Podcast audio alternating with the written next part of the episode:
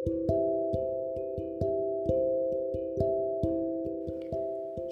Bapak Ibu Saudara-saudari Kita bersyukur untuk hari ini atas penyertaan Tuhan di dalam kehidupan kita. Dan sebelum kita melakukan kegiatan kita sepanjang hari Mari kita terlebih dahulu belajar kebenaran firman Tuhan. Mari kita bersatu di dalam doa. Bapak yang baik kami sungguh bersyukur Tuhan atas penyertaan-Mu dalam kehidupan kami Hingga sampai hari ini Tuhan Kami bisa melakukan aktivitas kami. Dan sebelumnya Tuhan Yesus kami mau belajar sebagian dari kebenaran firman-Mu. Berkati setiap hati dan pikiran kami agar kebenaran firman Tuhan dapat kami lakukan di dalam kehidupan kami.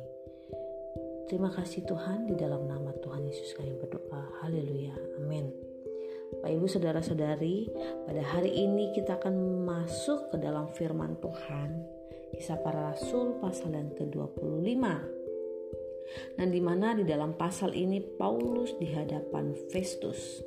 Ya, ada Bapak Ibu di dalam pasal sebelumnya 24 ayat yang ke-27 dikatakan bahwa Felix digantikan oleh Perkius Festus dan untuk mengambil hati orang Yahudi Felix tetap membiarkan Paulus di dalam penjara.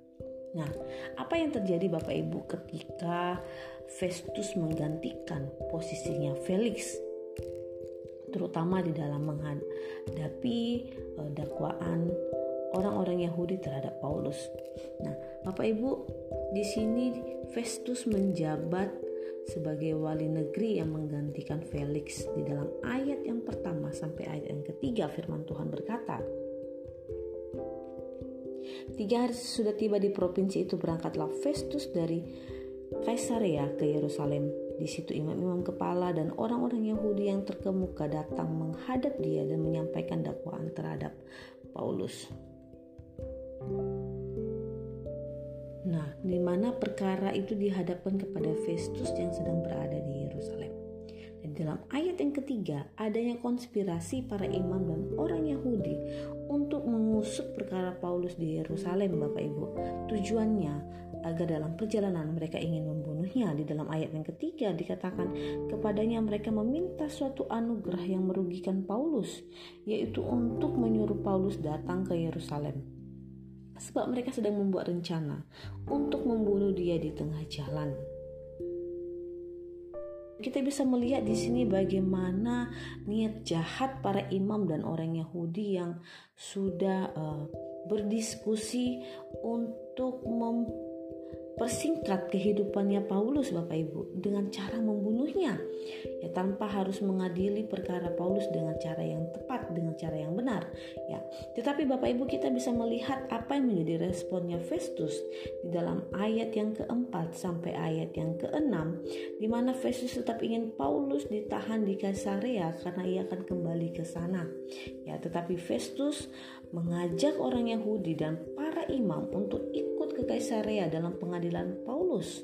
Ya, lagi-lagi Bapak Ibu, rencana para imam dan orang-orang Yahudi di dalam uh, keinginan mereka, hasrat mereka untuk membunuh Paulus digagalkan.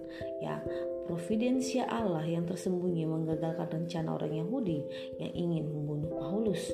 Nah, Bapak Ibu, kita bisa melihat bahwa di dalam ayat yang ketujuh Firman Tuhan berkata, sesudah Paulus tiba di situ, semua orang Yahudi yang datang dari Yerusalem berdiri mengelilinginya dan mereka mengemukakan banyak tuduhan berat terhadap dia yang tidak dapat mereka buktikan.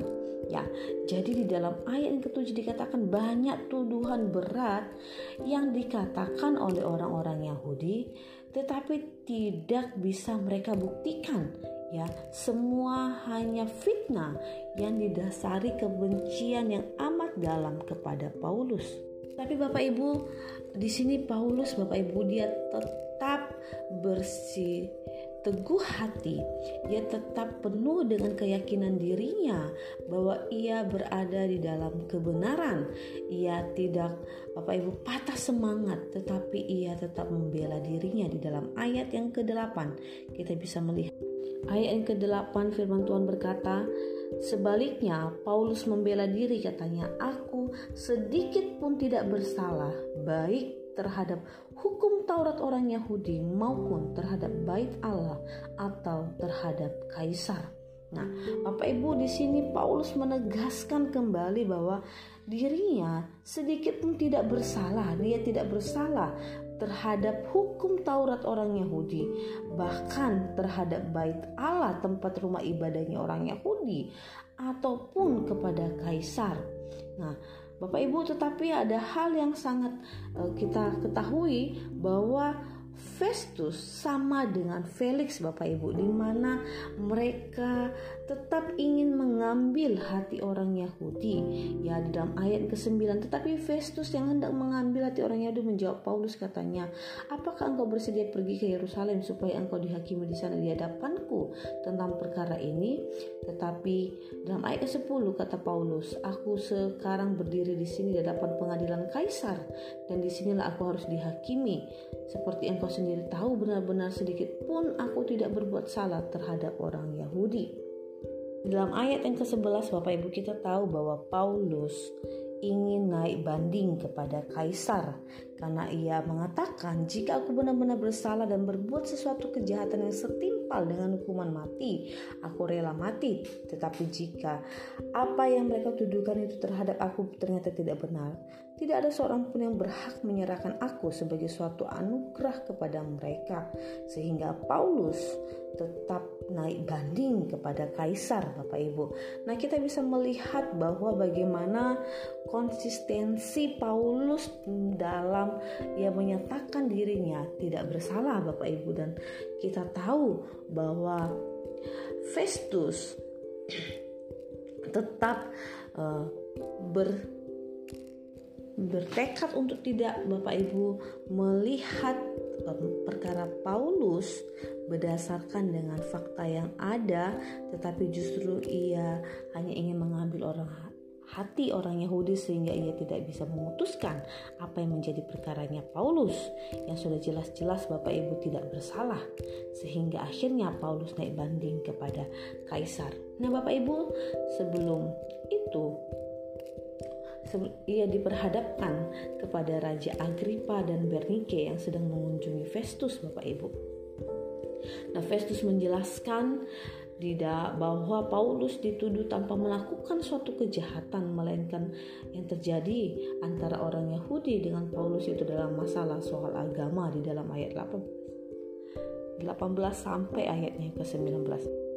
Festus menyadari betul bahwa tidaklah benar mendakwa Paulus tanpa ada kejahatan yang ia lakukan, sehingga ia minta pandangan pendapat dari Agripa dan Bernike sehingga Bapak Ibu di dalam pasal yang selanjutnya bagaimana nanti Paulus berhadapan dengan Raja Agripa. Nah Bapak Ibu kita tahu bahwa di dalam pasal sebelumnya Paulus yang gigih di dalam pasal-pasal sebelumnya Bapak Ibu diceritakan bagaimana panggilan Paulus, bagaimana dia sebelumnya background hidupnya dia yang gigih dalam menentang pengikut Yesus sehingga satu titik di mana Paulus berbalik menjadi pribadi yang gigih memberitakan tentang Yesus Kristus.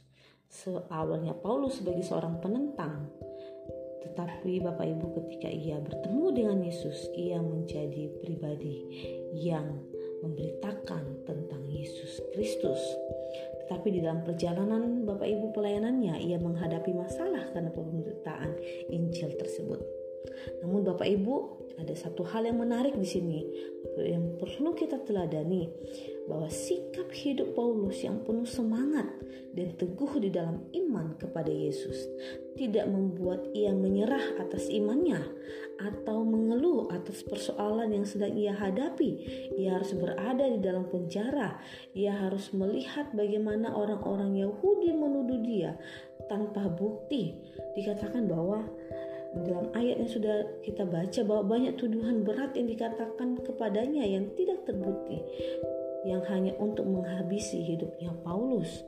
Bapak Ibu, kesulitan yang kita hadapi, ya, masalah yang kita hadapi, kiranya Bapak Ibu, kita juga bukan menjadi orang yang lemah di dalam iman kita. Karena masalah yang sedang terjadi, kita belajar dari sikap hidup Paulus Bapak Ibu yang penuh semangat, yang tetap teguh di dalam iman kepada Tuhan, yang terus menyatakan kebenaran di tengah-tengah situasi yang membuat ia terjepit Bapak Ibu. Ya, keadaan yang membuat dia harus terus berdiri teguh di dalam iman, tidak digoncangkan oleh karena keadaan, oleh karena himpitan situasi atau karena orang-orang di sekitarnya. Dan kiranya Bapak Ibu di dalam kita menjalani iman kita kepada Tuhan, iman kita semakin terus diteguhkan. Semakin ada tantangan, banyak tantangan yang datang, masalah yang kita hadapi, kita akan terus tetap semakin percaya dan percaya kepada Tuhan. Tuhan Yesus memberkati. Shalom.